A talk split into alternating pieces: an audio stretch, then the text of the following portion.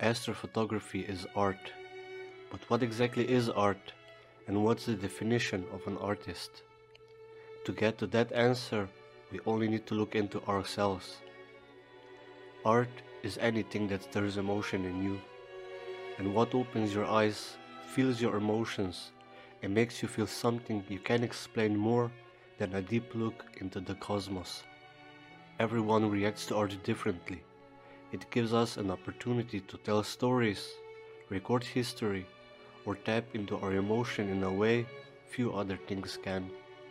The real goal of art is not to entertain us or others, but it's a way to show us another world, a world which helps us to purify and regenerate our soul, a world which we can't see with our own eyes, but we can feel it with our body and soul.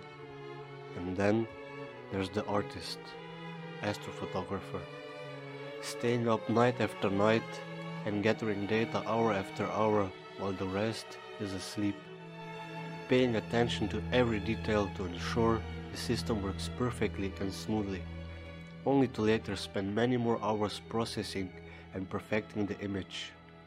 The image that gives us and others a small glimpse of something way bigger than ourselves. Astrophotography can change the perspective of your life. After learning a few things about our universe and trying to imagine those incomprehensibly large numbers and distances, you start to respond with emotions.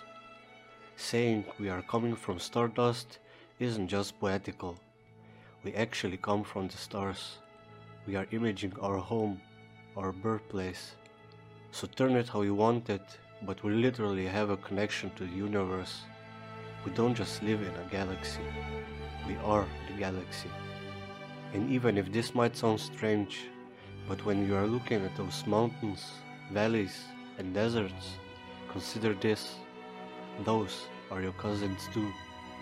So, to all my brothers and sisters, uncles, aunts, and cousins, I would like to thank you for watching and I'll see you again next time. Take care of each other. Bye.